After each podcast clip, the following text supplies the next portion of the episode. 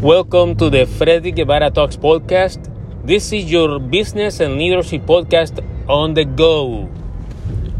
This is your host, Freddy Guevara. Education is important.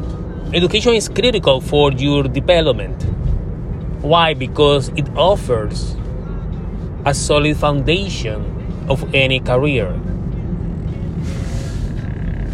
Even in business, you cannot go outside and start a business without knowing if you have a demand. You cannot go out and start a business without knowing if your investment will have a return. If you don't know how much worth it will be your business in the future after five years of doing business, you will know what to do. So you cannot go out and start a business because you want it without any foundation. That's when education comes into play. Education gives you the tools, the basic tools to start a career, even in business. Yes.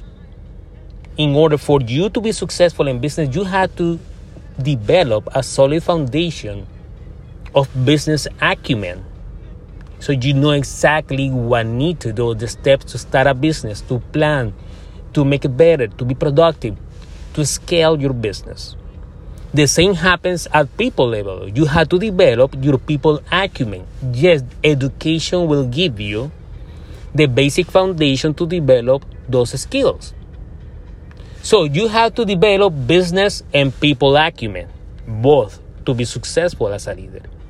However, there are things that you only learn by experience.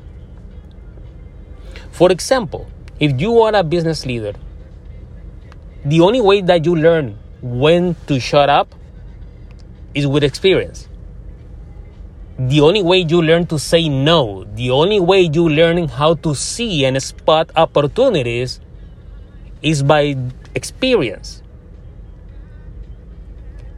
Does it make sense for you?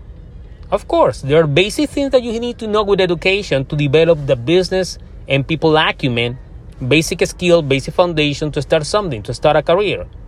However, experience or doing or executing your career is the only way that there are lessons you're going to learn. Like I told you, when a leader learns how to fire people, how to set aside things, how to when to shut up, when to when to quit, when to give up. The only way that leaders learn this is by experience. That's why the powerful quote of today is there are lessons that leaders learn by doing. I say it again. There are lessons that leaders learn by leading.